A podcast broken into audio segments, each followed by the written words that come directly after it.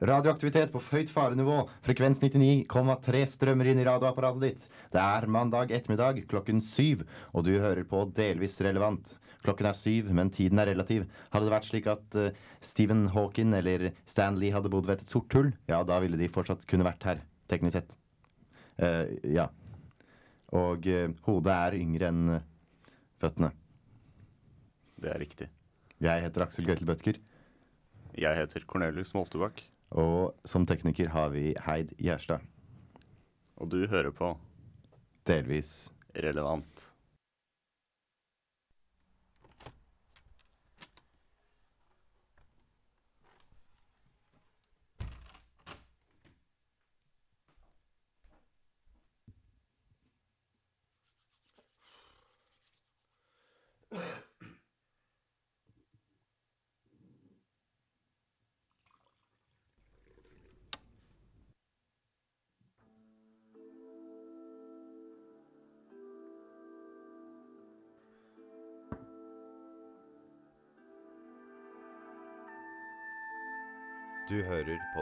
Gul bok-serien med meg, Aksel Gøytel-Bøtker, som fortellerstemme, og Siv Jensen som protagonist. For fire år siden, i et nært ubetydelig land helt ytterst på verdens venstre bukseben. Selv om det går godt eh, i Norge, er det noen skyer i horisonten. Den dagen var prisen på ett fat olje 92,5 dollar. Folk flest var vant med at det lå på om lag 100 dollar fatet, men nå var det på vei nedover, raskt. Vi så skyene komme, men vi så ikke hvor mørke de skulle bli, og hvor fort det kom. Men vi håndterte det likevel. I dag skinner solen igjen på hele landet. Klimautslippene avtar. Vi er i dialog med EU om en avtale om felles oppfyllelse av utslippsmål. På toppen av dette kommer petroleumsinvesteringene som ser ut til å øke igjen. For første gang på fire år. Og det ser ut til at petroleumsnæringen vil tjene penger. Oljen var dette lille landets største bidrag til verdenssamfunnet. Og forskerne som hadde stor interesse for at oljeindustrien fikk subsidiene sine, hadde lenge sagt at industrien måtte fortsette langt inn i 2040-tallet, og helst til 70 Sjokolade- og sukkervareavgiften har avgrensninger som kan fremstå tilfeldig. Hysj, si, husk replikken din, dette er ikke relevant. Hysj. Du har hørt første kapittel av den årlige Gul bok-serien, med meg, Aksel Gøytel Bødker, som fortellerstemme, og Siv Jensen som protagonist. Større betydning får det om produktet er en marsipangris eller er en marsipanrull. Hysj, Siv.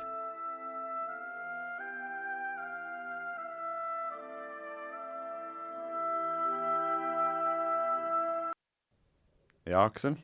Hva var dette? Jo, Cornelius, du skjønner, den 8. oktober så fikk vi jo presentert et forslag til nytt statsbudsjett av stats, eh, statsråd Siv Jensen. Og dette budsjettet, det fant jeg litt pussig, ettersom at eh, samme dagen så vet vi jo alle at denne IPCC-rapporten fra FNs klimapanel kom ut, som sa at konsekvensen av 1,5 graders oppvarming, som er det vi går mot nå, i beste scenario, vil allikevel være katastrofale. Og at vi innen to år vil ha gjort uskadelig eh, Altså u, eh, eh, helbredelige skader på altså naturen på jorda. Vi kommer til å miste 70% av varmtvannskorallrev, eh, blant annet. Og, jeg, og, dette statsbudsjettet, når hun presenterer det, så presenterer du det som en, som en idyll. Som nærmest som det var barne-TV. Ja. Ja, det høres jo ikke så veldig bra ut. Hva, hva, hva mener du? Nei, jeg mener jo det at det, det, eh, de planlegger å Eller det det ligger inne der for, er at vi skal kutte på 17% av klimagassutslippene til Norge. Altså Norge innad i seg eller Norge alene er et ganske lite land som forurenser lite. Vi er helt ytterst på verdens venstre bukseben i forhold til det, og vi har mye, mye kraft. Som, altså mye av kraften vår kommer fra vann. Men eh, Men allikevel så forurenser vi jo mye mer enn gjennomsnittspersonen. Og i tillegg så har vi oljeindustrien vår, som står for ti ganger så mye utslipp som alene, Norge alene, altså utad i verden, når det brennes. Og regjeringen sier jo at dette er at det at vi selger olje, er et bidrag til, til å senke klimagassutslippene. Men det er jo helt feil. Du kan ikke si at altså, det å eh, brenne dritt er ikke bra bare fordi dritten din er eh, litt bedre enn andres dritt. Og dessuten så eh, altså, det blir som å, Så sier man at verdenssamfunnet er avhengig av vår olje. Men det er jo som å si at eh, jo, men jeg må fortsette å selge dopet mitt. Fordi eh, folka nede på gaten, de er avhengig av det. Men eh, bilene, de fleste bilene, er jo avhengig av eh, bensin. Sånn Italia f.eks. Der bruker du ikke elbiler i de fleste steder. Så da blir det jo vanskelig å bytte alle bilene. Hva, hvordan, eh, hva skal vi gjøre med det?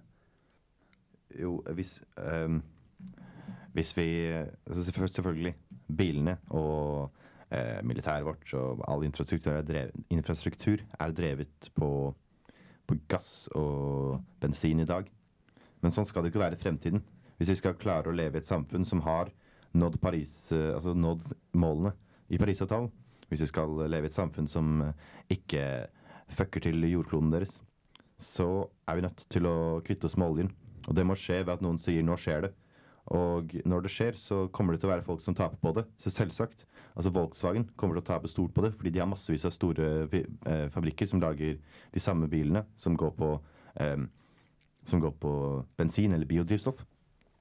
Men når de, når de eh, når vi sier at, ikke, at vi ikke kan holde på med det lenger, så er de nødt til å omstille seg. Og det koster penger. Men eh, det, kommer, altså det kommer til å være et, et klimakrakk, som noen sier, for de store bedriftene. Men for oss vanlige folk så kommer det jo bare til å være at markedet fyller igjen, eh, fyller igjen behovene våre med nye klimavennlige løsninger.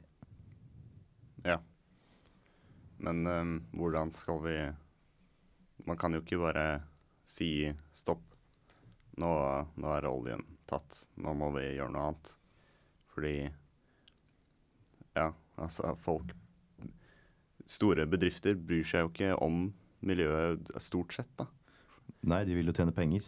Ja, tjene penger, sånn at uh, de kan uh, Ja, de kan ha penger. Det er ikke noe galt i å tjene penger, nei. Nei. Men, eh, men hvis poenget med markedsøkonomi er at det skal dekke behovet til folket, og folket eh, har som behov akkurat nå at eh, klimaendringene stoppes, så skulle man jo sett at, at de løste det problemet. Men, sette, men de gjør det ikke. Så man må sette krav til dem. Hva skal vi bruke som olje istedenfor olje?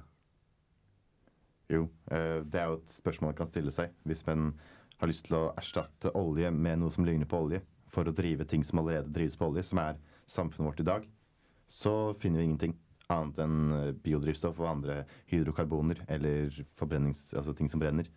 Men vi skal jo omstille samfunnet vårt, skape nye teknologier, sånn som Siv Jensen snakker så skjært om i hennes eh, present... Eh, nå sa jeg skjært med S. Kjært om. Ja, OK. Uh, ja. Nei, det kan ikke Nei. Jeg skal være språkkonservativ. Ja. Uh, jeg veit ikke. Jeg tror ikke det er så farlig. Men jo uh, Nei. Dropp det med Siv, i hvert fall. Ja. Det jeg skulle si, det var at regjeringen vår de driver og eh, driver ikke gjør noen ting for klima. De later som det er viktig, og at dette er det beste klimabudsjettet noensinne. Men det er ikke det beste klimabudsjettet i det hele tatt. De har satt av 5 milliarder kroner for å løse klimaproblemene våre. Samtidig så får oljenæringen 27 milliarder kroner enda. Og eh, med, og, og 27 millioner kroner enda. Men det er jo slik at denne, altså disse, denne debatten om hvordan et godt statsbudsjett er, og hva vi skal erstatte oljen med, det er et veldig vanskelig spørsmål. Så jeg prøvde å gå ut på gaten og stille folk eh, altså stille folk dette spørsmålet. Hva syns de om Gul bok? Men jeg innså jo eh, da at Gul bok er ikke et vel eh, et eh, Kjent uttrykk. Ja, er ikke et kjent uttrykk. Så det var kanskje en liten feiltagelse. Små feil går fint en lang vei. Den er akkurat så lang at du må gjøre en innsats for å lese den. Men den er ikke så lang at du må velge mellom å prioritere søvn eller bøker. Men samtidig så er den ikke så kort at du kan lese den på én dag. Det gøye det er å lage sine egne bilder til det som står. Jeg beveger meg videre nedover Karl Johan og møter på nok en person som ønsker å fortelle litt om årets Gul bok. Gul bok. Og det må være bra greie. Den eh, må være litt sånn spennende. Eh, litt sånn eh, litt gåte og litt, kanskje litt krim. På italiensk så er det noe som heter giallo. Det betyr gul. Og det eh, betyr faktisk en krimbok.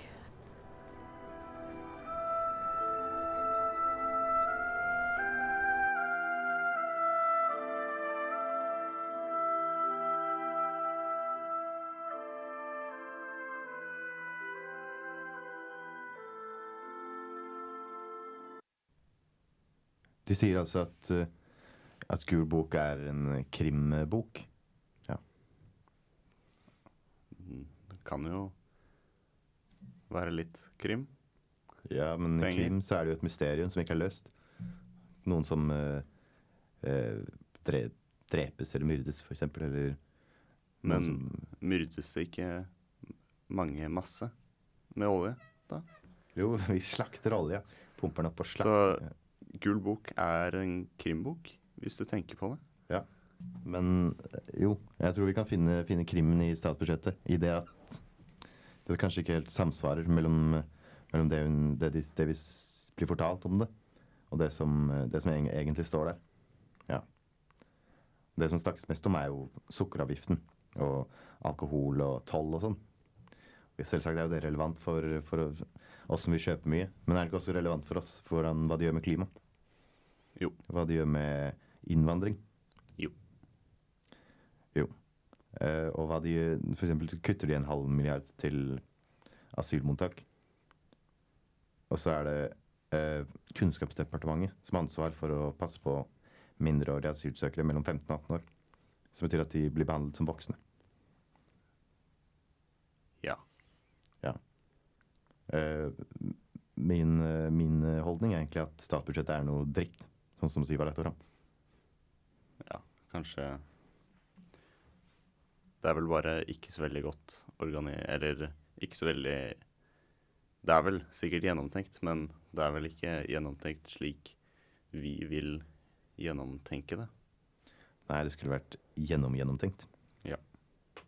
Kanskje gjennom, gjennom, gjennomtenkt. Og re-gjennom, gjennom, gjennom, gjennomtenkt. Og da ville man komme fram til at man skulle flyttet litt på disse pengene og stoppet å bruke så mye penger på olje, som kommer til å Altså, de har spådde jo i dag i avisen at olje, oljen kommer til å dab, Altså, oljenæringen kommer til å dabbe ut i løpet av eh, 20-tallet. Og at eh, Og vi har jo sett det. I, I går så stupte jo oljeprisene raskere enn de har stupt på flere år. I går, når dato? Burde du kanskje Å si. ja. Ja. Ikke i går, men når vi, i går når vi tok opp dette, som var den 20. oktober Den 20. oktober så stupte jo oljeprisen. November. Den, den 20. november så stupte jo oljeprisen fortere enn den har gjort på flere år. Fordi at eh, U- eh, eh, OPEC ikke ville kutte så mye i oljenæringen som investorene ville. Og Det viser jo at kapitalister ønsker å investere i fremtiden og ikke i fortiden. Og uh, olje er fortiden. Norge er ikke kan ikke kalle seg så veldig innovative og en så veldig miljøvennlig nasjon om vi skal fortsette å eh, bedrive, bedrive den største kriminaliteten. Norge er vel ikke en eh, miljønasjon? For Norge ble jo rik av olje. Er ikke det riktig? Det er sant. Men vi presenterer jo at vi er Vi presenterer oss som et grønt og natur... ja, ja, vi er eh, fjord og fjell. Fjord og fjell og skog. Ja. Men uh, ingenting gjør vi for å verne vår egen skog. Alle, alle disse, disse fem milliarder kronene som går til eh, klimatiltak, de går ikke til eh, klimatiltak i Norge i hovedsak. Det er 3,2 milliarder til regnskogen i, eh, i sør, som er helt absurd. Fordi norsk skog, om den ble vernet, så ville den lagret mer CO2 enn regnskogen. Fordi den faktisk fordi den er, altså, den er rett og slett bedre på det. Eh, det er derfor vi har torv og myrer og slik i stort mangfold. Og at eh, Så bruker vi litt av pengene på å forske på hvor viktig det er å verne skog. Men igjen, de verner ikke noe av vår egen skog. Og så går eh, om lag 400 millioner kroner til eh, grønn teknologi i resten av Europa og resten av verden. Og så får vi 400 millioner kroner til et nytt eh, statlig, statlig, nei, litt, statlig finansiert privat investeringsselskap med innskrenket offentlig innsyn, som heter Nysnø. Det er ikke, det er ikke bra. Nei. Og Nysnø, som har fått ansvaret å være klimaheltene til Norge. De som løser klimaproblemet for oss. De er en meteorolog fra TV 2. En eh, mann som har eh, hun, Jo, forresten, hun har jobbet litt med vindmøller. En mann som har erfaring med greentech. Og så er det noen eh, mennesker fra store finansselskaper som kan forvalte penger. Og så er det en, en kar fra, fra, fra oljeindustri. Det er jo en perfekt kombinasjon, er det ikke det, Aksel? Jo, det er klimatiltak de luxe. Nemlig. Gjennom, gjennomtenkt. Gjennomtenkt klimaarbeidsgruppe. Ja. Nemlig. Det er ikke Ja. Og de, de har fått eh, Disse pengene er bare for å starte opp, da. Starte opp-penger. Ja.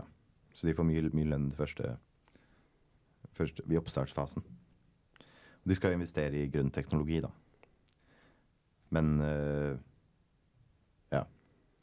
Men eh, grønn teknologi kommer jo først når det er nødvendig. Ikke sant? Eh, Så lenge, så lenge det fins olje, så lenge Volkswagen kan produsere bilene sine, så lenge, så lenge de ikke trenger, trenger å forandre seg, så kommer det jo ikke til å forandre seg. Så i tillegg til å investere, så burde det jo vært noe tiltak. eh, Altså, det finner, for når en norsk skogeier verner skogen sin, så får han penger tilbake for å verne skogen. Og slik burde det jo være på andre, andre steder hvor andre må, ta tilt altså andre må gjøre kutt, som er ugunstige for dem. Så burde de få igjen litt penger. Og det burde, man bruke, altså det burde staten bruke penger på, ikke sant? Men øh, pengene går jo ikke til det. Nei. De går jo til militæret og olje og finansdepartementet vårt. Inkludering og bedre levekår i utsatte byområder er en forutsetning for å motvirke fattigdom både på kort og lang sikt. Derfor fortsetter returarbeidet i 2019. Regjeringen foreslår også å styrke innsatsen for å avsløre juks. Regjeringen vil prioritere kvoteflyktninger med størst sjanse for vellykket integrering. Ja, en, en annen sak jo, som har stormet i media, er jo dette med KrF, som uh, har valgt å komme inn i regjering med Høyre og Frp. Og det som stusser, stusser litt ved meg, er at når Siv Jensen presenterer dette statsbudsjettet, så sier hun at vi skal prioritere kvoteflyktninger som har størst sjanse for, å vellykket, størst sjanse for vellykket integrering. Men hvordan kan en prioritere hvilke kvoteflyktninger en har lyst til å ta inn? Og viktigere, er ikke det en slags eh, sortering av hvem som får lov til å komme inn i landet vårt? Det høres sånn ut, ja. Det høres ut som et uh, sorteringssamfunn Ja. med levende mennesker. Levende sorteringssamfunn. Samfunnssortering. Men nok om det. Uh, vi har regjeringen. Hva kan vi gjøre? Vi, oss folket på gaten. Hva kan vi gjøre med dette, dette store og eh, store og komplekse statsbudsjettet som vi ikke skjønner oss på? Vi har ingenting vi skulle ha sagt. Jo, Erna Solberg sier jo at eh, slik eh, kjedelig politikk skal bli stengt inne på kontoret til politikerne, så kan de ta seg av det. Og eh, vi kan stole på at Siv Jensen gjør en, gjør en god jobb, kan vi ikke det? Jo. Det er eh, god vekst i økonomien, men det må ikke bli en hvilepute. Møter vi proteksjonisme med økt proteksjonisme, så feiler vi. En viktig grunn til at vi har det så bra i Norge, er at vi har klart å tilpasse oss gjennom skiftende tider. Vi har et omstillingsdyktig næringsliv, og vi er allerede et av de mest digitaliserte samfunnene i verden. Og de valgene vi tar i dag, ja, vil forme fremtiden vår. Vi må evne å prioritere. Vi må prioritere det som setter oss i stand til å møte de utfordringene og gripe de mulighetene som ligger foran oss. Og at vinnerne blir dem som klarer å gripe mulighetene. Og det skal vi klare. Uh, jo, uh, det er en skillevegg mellom oss og tekniker Heid. Men uh, ved hjelp av litt radiomagi skal vi nå fjerne denne skilleveggen. Ja, faktisk er det et sort hull som kommer og sluker den. Dere kan ikke se det. Og i det sorte hullet så vinker Stan Lee til oss før han forsvinner inn tilbake som en liten sånn typisk teaser. Og så eh, eh, er veggen borte. Ja. Vel, velkommen, eh, Heid. Hallo. Eh, Kan, kan du bare kjapt forklare meg hvem Stan Lee er? Det er lederen for uh, Ja, han, han døde nettopp. Så vi tenkte vi bare skulle Comics. Han skrev comics. Ja, ja han eh, Altså tegneserier. Mm. Han døde 12. november. OK, yes. Takk. Og som, eh, som eh, eh, med Marvel eh, har hatt nederlag, så har også Fantomet hatt et nederlag. Ja. Som forsvant forleden. Fra Norge. Ja. Det er et stort tap. OK. Ja. Syns du ikke det, Heid? Uh, at Fantomet forsvant. Fantomene som tegneserien? OK, den er blitt lagt ned. Ja, i Ja. Norge. Den gis ikke ut lenger. Det var veldig trist. Ja. Jeg må si det siste så har jeg vært mer opptatt av Black Panther. Jaha. Har du sett filmen? Ja, det var vel egentlig den jeg var mest opptatt av. Ja. Mm. Men Black Panther, det er Marvel-universet, er det ikke? Jo. Og Iron Man. Ja. Og Iron Man er jo en robot, Eh, nei. er han ikke? Det er en person i en Det, det er delvis Han har et exoskeleton. Ja. Ja. Og han eh, Og- har en artificial intelligence som heter Jarvis, som han snakker med. Ja, det er riktig. La oss, la oss snakke om det. Roboter. Ja, roboter. Har du noen erfaring med roboter, Heid? Ikke sånn masse, bortsett fra hvis det er ehm, eh, Kanskje Kanskje hvis du tenker på sånn Amazon som foreslår ting jeg skal kjøpe. Ja. Hvis det tels. Det er jo sånne artificial intelligencer som samler informasjon om deg og ønsker å ja, komme med tilbud som er fristende, eller Ja. Ja, ikke sant? Og så blir jeg av og til veldig glad når jeg ser reklame på internett som absolutt ikke er beregnet på meg. Fordi da har de feilet. Ja. Ja.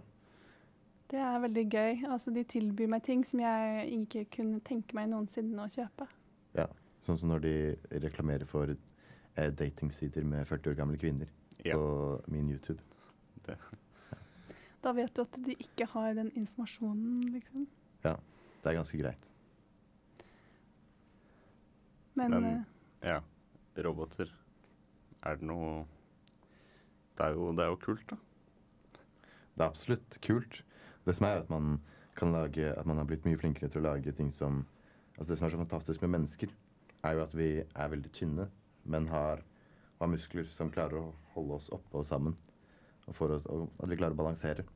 Det har vært vanskelig å, veldig vanskelig å få til nå med de fysiske robotene. Ja, bevegelighet i eh, maskinen. Ja. Jeg så en mann gå oppover eh, nede ved, opp mot St. Olavs plass. Mm.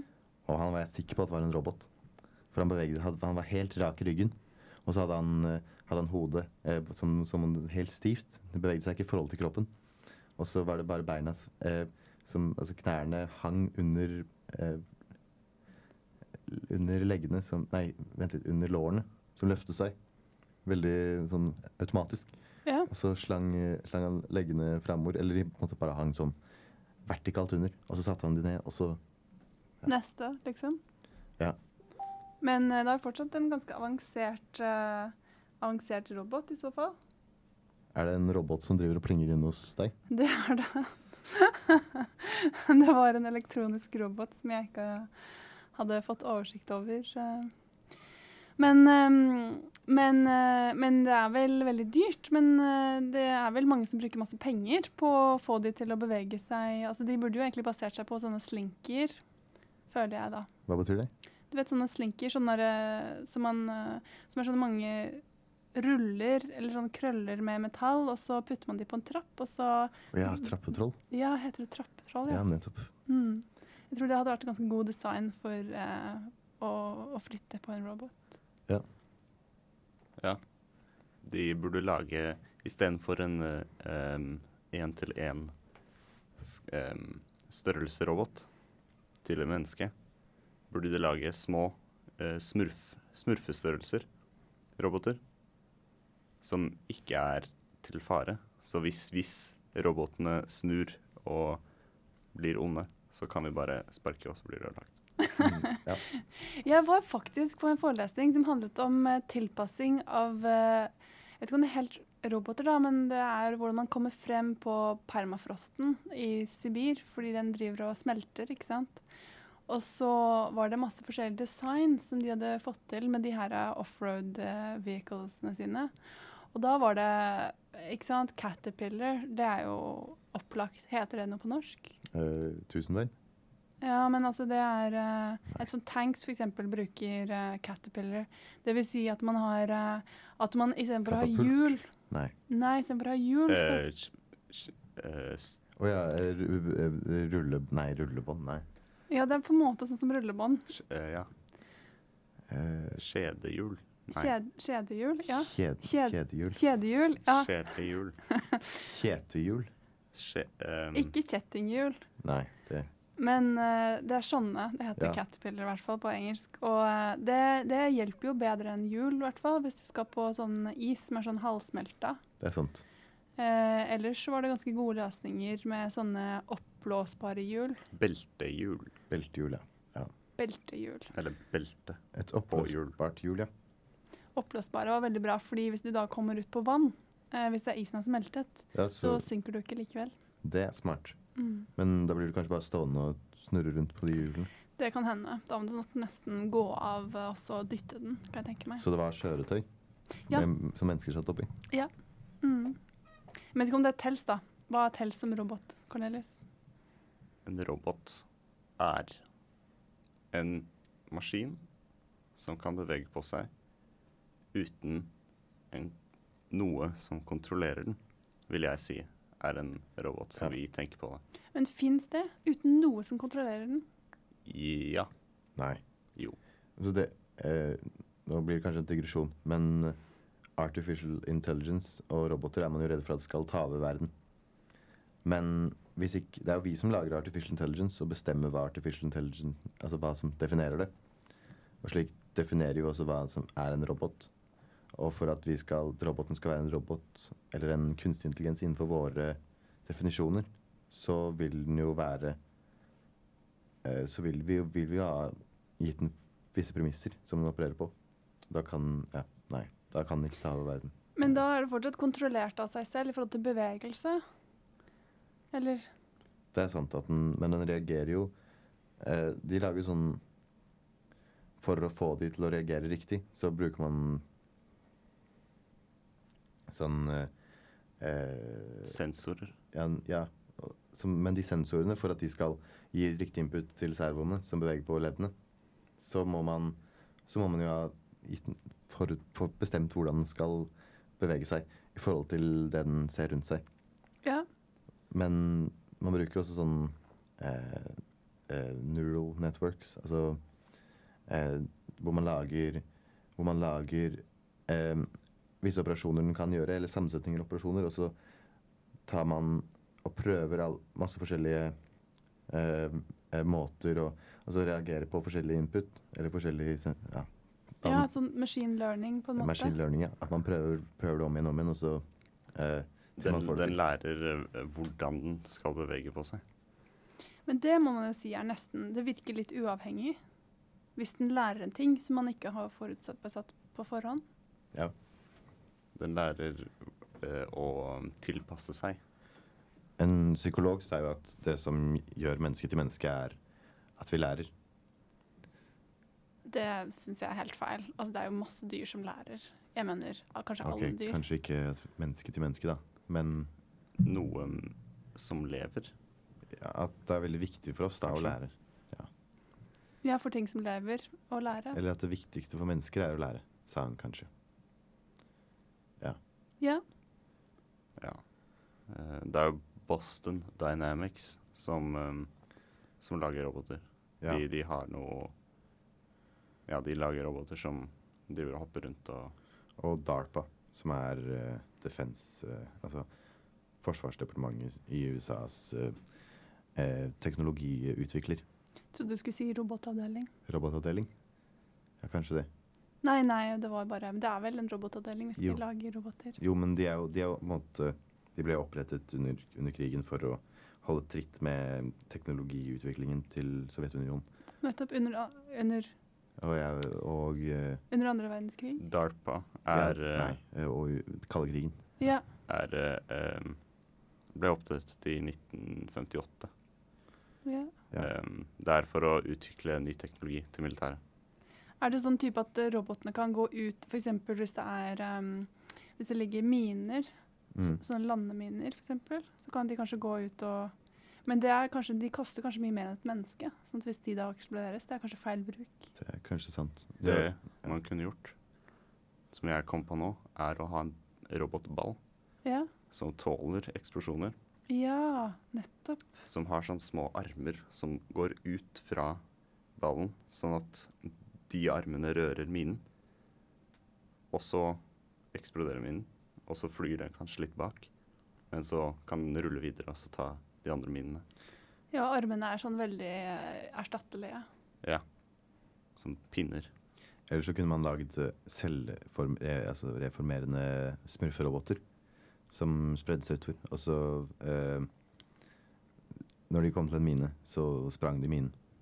Men har dere lest den der webkomikeren som heter Girl Genius? Nei. For hun, hun lager masse sånne En av de tingene som er, hun er kjent for, er eh, masse sånne små roboter som hun hele tiden designer, og de er sånn semi-uavhengige. De klarer å designe flere og flere selv, da. Det er sånn steampunk-estetikk. Ja. Men uh, bare dette med små roboter. Ja. ja, men det som er problemet med små roboter, er at de antakelig er like dyre, da. Som de store, kan man tenke seg. ikke hvis de er selvreproduserende. Nei, men det fins. Tror du det fins? Eller, eller, eh, eller er vi i nærheten av eh, selvreproduserende Vi har jo 3D-printere, da. Hvis man kunne 3D-printe en robot Ja. inni en robot. ja. En, en 3D-printerrobot som gikk ut, og så 3D-printet den små, mindre Nei, roboter. de må være like store, sånn at de, de må 3D-printe 3D-printere inni 3D-printede roboter. Ja. Det klarer vi med dagens teknologi. De må, de må nok 3D-printe det i deler. Fordi hvis de er like store, så blir det vanskelig Mm. å 3D-printe like stor greie inni Det er akkurat som med mennesker. Man må ta noe smått først, og så sant. vokser det liksom til, da.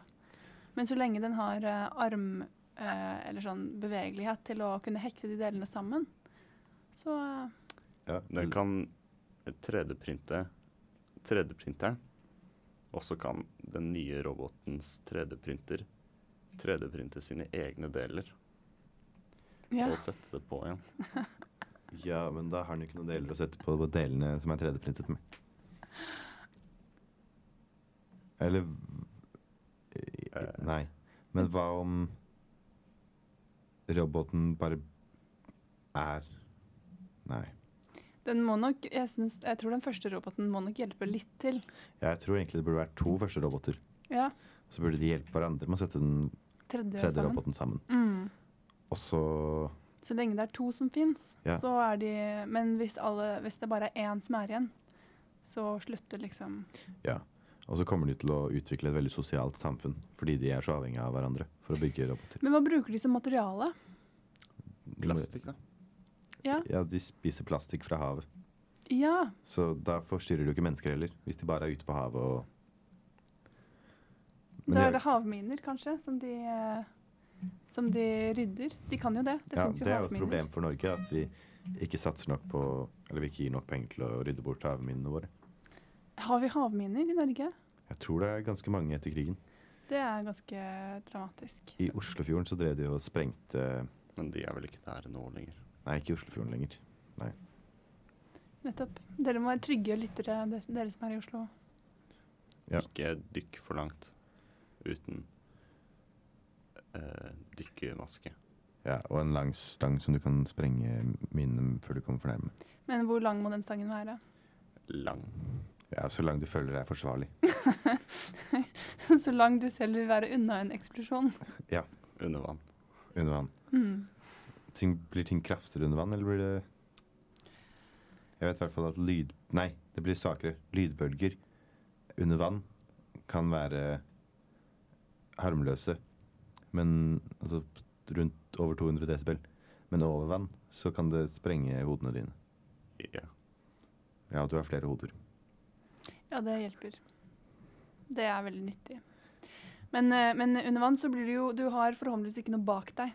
Så da kan du liksom sprenges typ at du dyttes forfra, men at det bare er vann bak deg. Så dyttes du liksom i det vannet, som er mindre farlig enn på land. Som hvis du dyttes, så faller du liksom ned på noe skaut eller Det er sant.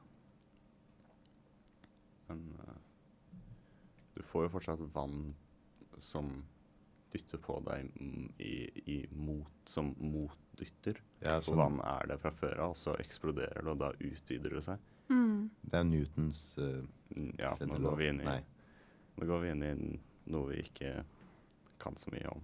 jo, jo, vi kan masse om akkurat dette. Masse, ja, OK. uh. Ja, men det høres fortsatt vondt ut. Det er antagelig vondt. Oppleves antagelig vondt. det er det sikkert. Og Ja, jeg tror generelt det å være i nærheten av en eksplosjon er vondt. Så vi kan konkludere med at ikke dykk etter, etter bomber. Og hvis du finner en, ikke aktiver den. bra Men- tips. Ja, ja. Men hva om den eh, aktiverer seg av seg selv? Da Da får vi håpe at du hadde et bra liv, fordi du har ikke den nå lenger. Men hva med roboter? Ja. Robåter, sier du. Ja, hvis du er oppi en robåt når minen sprenger, og den har panser under er Typisk eh, pansret robot. pans panserrobot, ja. Mhm. Bare en vanlig båt. Med eh, Hva heter det? Hva heter det igjen? Båndhjul? Nei. Um, jeg vet ikke. Beltehjul. Belte, Med, med beltehjul. belte på hjul. Julebelter. Spiser du juleribbe eller julepinnekjøtt? Jeg spiser faktisk begge deler. Artig at du spør. Den ene dagen spiser jeg ribbe, og den andre dagen spiser jeg pinnekjøtt. Ja. Og du, da? Ribbe. Hva med, hva med Heid? Hva spiser du? Um, til jul. Ja. Aften. Uh, I år så skal jeg for første gang lage julemiddag selv. Og eh, da har vi tenkt å ha pølse, fordi det er i Skottland, og de har ganske god pølse i Storbritannia. Og til dessert så er det noe som heter sticky toffee pudding. Det er godt. Det er kjempegodt, og så har jeg lyst til å lære å lage det selv. Og så virker det som en god anledning til å lære det. Ja. Uh, så det gleder jeg meg til. Og så uh, Ja. Og så er samboeren min ganske flink til å lage sånn eh, Åh, parsnips, hva heter det på norsk, da? I hvert fall sånn grønnsak som er sånn litt sånn hvitaktig Ja, i hvert fall sånn uh, bakt i ovnen, så blir den veldig god. Med, med smør, kanskje. Ja. Men jeg liker veldig godt pinnekjøtt. Uh, sånn personlig. Kanskje jeg skal snike med meg litt pinnekjøtt bare for å ha selv. Kanskje det. Det virker jo som en patriotisk ting å gjøre i år, fordi at eh, det var så mye lam som måtte slaktes pga. tørken. Sånn at eh, det er jo viktig å spise lam når man først skal spise kjøtt. Så Dessuten så er eh, grisen mindre, har mindre klimaavtrykk enn eh, sauen. har ikke Nei. sau mindre fotavtrykk enn grisen? Jeg, Fotavtrykk. fotavtrykk. Eller sånn, eh, altså sånn uh, utslipp av klimagass. Vel, grisen har Grisen er klov, klovdyr. Grisen er Den har klo, klover. klover. Det stemmer. Ja, sauen har klover, ikke sant? Sauen har ikke klor. Klover. Klover, ja. Ja. Geiter.